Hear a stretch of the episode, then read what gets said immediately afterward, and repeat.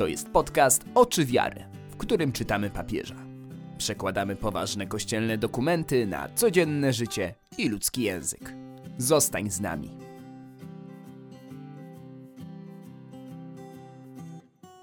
Przy mikrofonie Kasia Kajzar. Witam Cię bardzo serdecznie w odcinku 29. Żywy i obecny. Kontynuujemy czytanie czwartego rozdziału adhortacji papieża Franciszka Gaudete et Exultate, której pisze on do nas o świętości. Zachęca, żebyśmy nią żyli.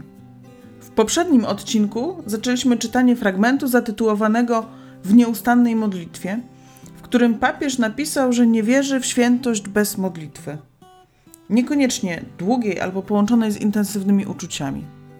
Opisywał pragnienie transcendencji, które jest w nas i to, że święty, oddając siebie ludziom, wciąż tęskni za Bogiem.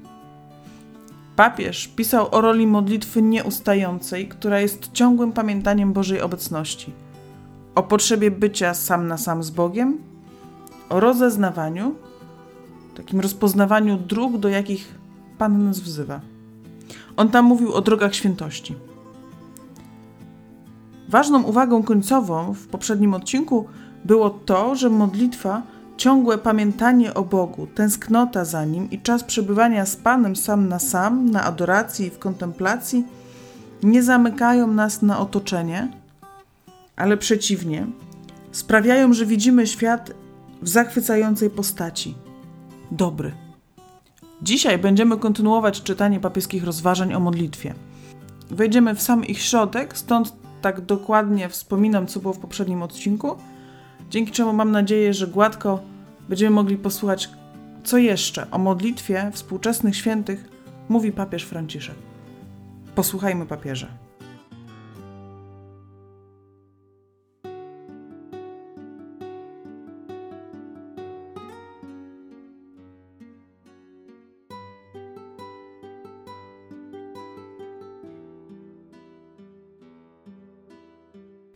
Gaudete et exultate, punkty od 153 do 157. Również historia nie znika. Modlitwa właśnie dlatego, że karmi się Bożym darem, który objawia się w naszym życiu, zawsze powinna być ubogacona pamięcią. Pamięć o Bożych dziełach leży u podstaw doświadczenia przymierza między Bogiem a Jego ludem. Jeśli Bóg zechciał wejść w dzieje, to modlitwa utkana jest wspomnieniami. Nie tylko pamięcią o objawionym słowie, ale także o naszym własnym życiu, życiu innych osób, o tym, co Pan uczynił w swoim kościele. Jest to wdzięczna pamięć, o której mówił także święty Ignacy z Loyoli w swojej kontemplacji pomocnej do uzyskania miłości. Prosząc nas, abyśmy przypomnieli sobie wszystkie dobrodziejstwa, jakie otrzymaliśmy od Pana. Kiedy się modlisz, przypatrz się własnej historii, a w niej odnajdziesz wiele miłosierdzia. Jednocześnie umocni to Twoją świadomość, że Pan o Tobie pamięta i nigdy o Tobie nie zapomina. Dlatego warto poprosić Go, aby rzucił światło nawet na drobne szczegóły Twojego życia, które Jemu nie umykają. Błaganie jest wyrazem serca ufającego Bogu, który wie, że nie da rady o własnych siłach. W życiu wiernego ludu Bożego znajdujemy wiele błagań pełnych wiary, czułości i głębokiego zaufania. Nie ujmujemy wartości modlitwie proszącej, która wiele razy rozjaśnia nasze serca i pomaga nam iść naprzód z nadzieją podejmując walkę.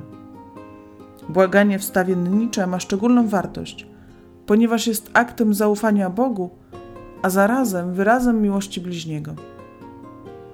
Niektórzy z powodu uprzedzeń spirytualistycznych są przekonani, że modlitwa powinna być czystą kontemplacją Boga, bez rozproszeń, tak jakby imiona i twarze braci były zakłóceniami, których należy unikać. Przeciwnie, prawdą jest, że modlitwa będzie bardziej podobała się Bogu i będzie bardziej uświęcająca, jeśli w niej, poprzez wstawiennictwo, staramy się żyć podwójnym przykazaniem, jakie przykazał nam Jezus – Wstawiennictwo jest wyrazem naszego braterskiego zaangażowania wobec bliźnich. Jeśli potrafimy włączyć w nie życie innych, ich najbardziej wstrząsające lęki i ich najpiękniejsze marzenia. O tym, kto wielkodusznie poświęca się wstawiennictwu, można powiedzieć słowami Biblii. To jest przyjaciel naszych braci, który wiele modli się za naród. Jeśli naprawdę twierdzimy, że Bóg istnieje, to nie możemy go nie adorować, czasami w milczeniu pełnym podziwu lub opiewać go w świątecznym uwielbieniu. W ten sposób wyrażamy to, co przeżywał błogosławiony Karol de Foucault, kiedy powiedział: Gdy tylko uwierzyłem, że Bóg istnieje, zrozumiałem, że nie mogę żyć inaczej jak tylko dla Niego. Także w życiu pielgrzymującego ludu jest wiele prostych gestów czystej adoracji. Na przykład, gdy spojrzenie pielgrzyma spoczywa na obrazie, który symbolizuje czułość i bliskość Boga. Miłość zatrzymuje się, kontempluje tajemnicę, smakuje ją w milczeniu. Modlitewne czytanie Słowa Bożego, słodszego niż miód i ostrzejszego niż wszelki miecz obosieczny, pozwala nam trwać na słuchaniu nauczyciela, aby był on pochodnią dla naszych stóp, światłem na naszej ścieżce. Jak przypomnieli nam biskupi indyjscy, przywiązanie do Słowa Bożego nie jest tylko jednym z wielu nabożeństw, pięknych, ale trochę dowolnych. Należy do serca i do samej tożsamości życia chrześcijańskiego. Słowo ma przyrodzoną moc, by przemieniać życie. Spotkanie z Jezusem w Piśmie Świętym prowadzi nas do Eucharystii, w której to samo Słowo osiąga swoją największą skuteczność – ponieważ jest ono realną obecnością żywego słowa.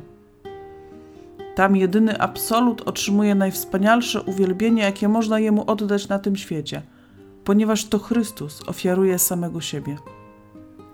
A kiedy przyjmujemy go w Komunii Świętej, odnawiamy nasze przymierze z nim i pozwalamy mu na coraz pełniejsze wypełnianie jego przemieniającego działania.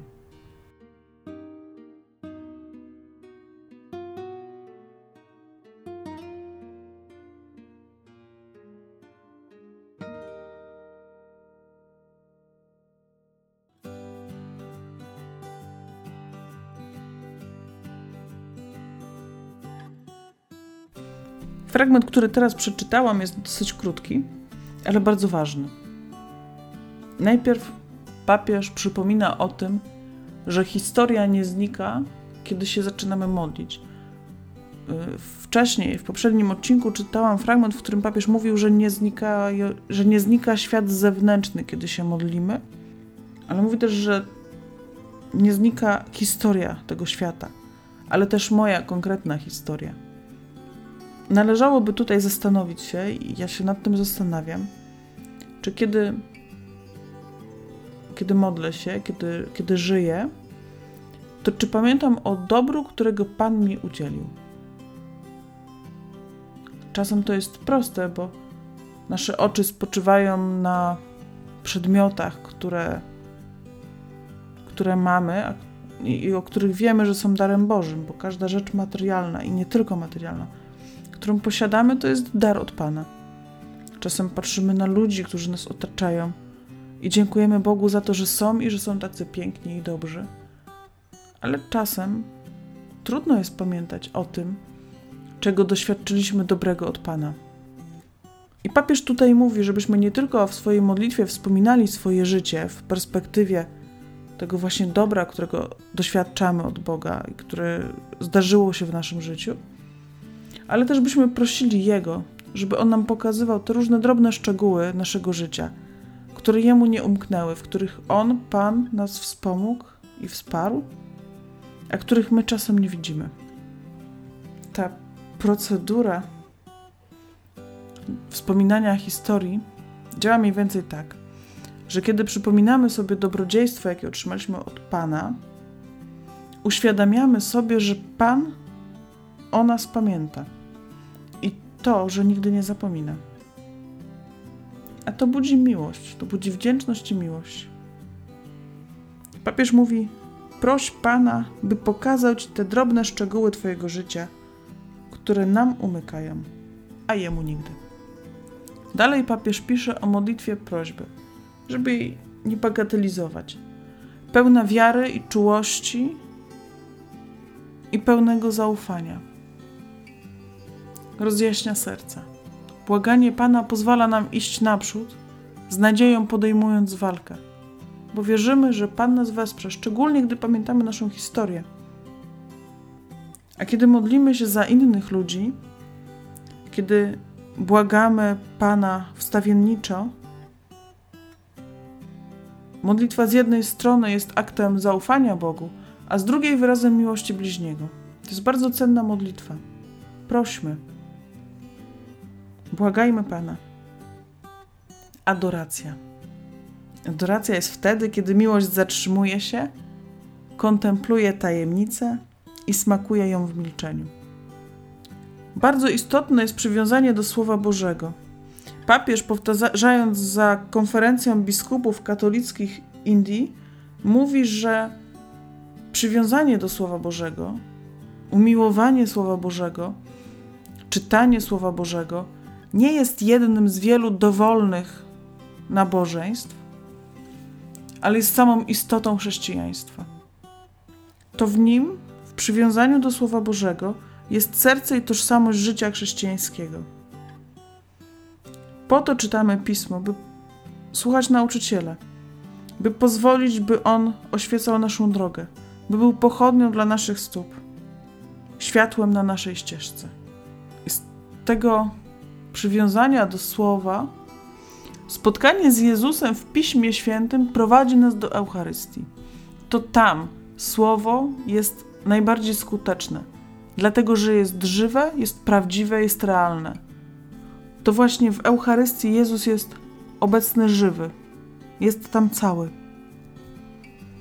Kiedy przyjmujemy go w Komunii Świętej, na nowo odnawiamy przymierze z Panem. Mówiłam jakiś czas temu, że my często traktujemy Komunię Świętą jako jakąś nagrodę gdzieś po drodze, taki punkcik za grzeczne sprawowanie się. W Komunii Świętej Bóg jest adorowany w sposób najwyższy, jest uwielbiony w sposób najwyższy, dlatego że w Komunii Świętej ofiarę Bogu składa sam Jezus. Tego się nie da zrobić już lepiej. Jezus składa siebie samego w ofierze w sposób doskonały. Tego, to, to wypełnia wszystko. Jego ofiara wypełnia wszystko. Kiedy my przyjmujemy Pana w Komunii Świętej, my odnawiamy nasze przymierze z Bogiem, naszą relację z Nim. Komunia Święta zmazuje, mówiąc w wielkim cudzysłowie, winę grzechów lekkich. To nie znaczy, że mamy się z nich nie spowiadać albo je ignorować. Broń nas wszystkich, Panie Boże. Tylko my często nie rozumiemy, jak, jak wielkim momentem jest nasze przyjęcie Komunii Świętej. To nie jest nagroda, to nie jest tak, że my przychodzimy i ktoś nas po głowie pogłaszcze. Nie, to jest przymierze z Panem. Przymierze z Panem. To przymierze, które z naszej strony jest tak często łamane i które wciąż na nowo Chrystus odświeża. Wciąż na nowo je zawiązuje. W Eucharystii osiągamy szczyt naszej modlitwy. W Eucharystii zdarza się cud naszego pogodzenia z Panem. Korzystajmy z tego daru jak najczęściej. Wiele osób teraz bardzo ubolewa z powodu tego, że ludzie nie korzystają, że my nie korzystamy z Komunii Świętej, z możliwości przyjęcia Komunii Świętej. Będąc w kwarantannie, obcinamy rzeczy niekonieczne i za jedną z rzeczy niekoniecznych uważamy Komunię Świętą. Czy aby na pewno? Czy aby na pewno to jest dobry wybór? Sama nie wiem. W kolejnym odcinku podcastu zaczniemy czytać ostatni już rozdział adhortacji Gaudete et Exultate. Nie jestem pewna, czy zaczynając ten projekt wierzyłam, że kiedyś doczekam tego momentu. Chyba wierzyłam, inaczej bym nie zaczęła. Ten ostatni, piąty rozdział nosi tytuł Walka, czujność i rozeznanie. Myślę, że tytuł i śródtytuły kolejne są bardzo zachęcające. Walka i czujność, coś więcej niż mit, przebudzeni i ufni, duchowe zepsucie, rozeznanie, pilna potrzeba, zawsze w świetle Pana, nadprzyrodzony dar itd. Tak Myślę, że to jest rozdział bardzo konieczny, dlatego że wiele osób dzisiaj ma wątpliwości, co wybierać. Zresztą przed chwilą to samo powiedziałam. Jesteśmy w takim świecie, który się zmienia co chwilę. Co chwilę musimy podejmować decyzje, co chwilę musimy wybierać, czy postąpimy tak, czy inaczej. Ludzie, bez Boga nie da się wybrać. I podejrzewam, że o tym właśnie będzie ten rozdział. Chociaż zobaczymy. Zapraszam na kolejny odcinek podcastu. Myślę, że za dwa tygodnie. Do usłyszenia.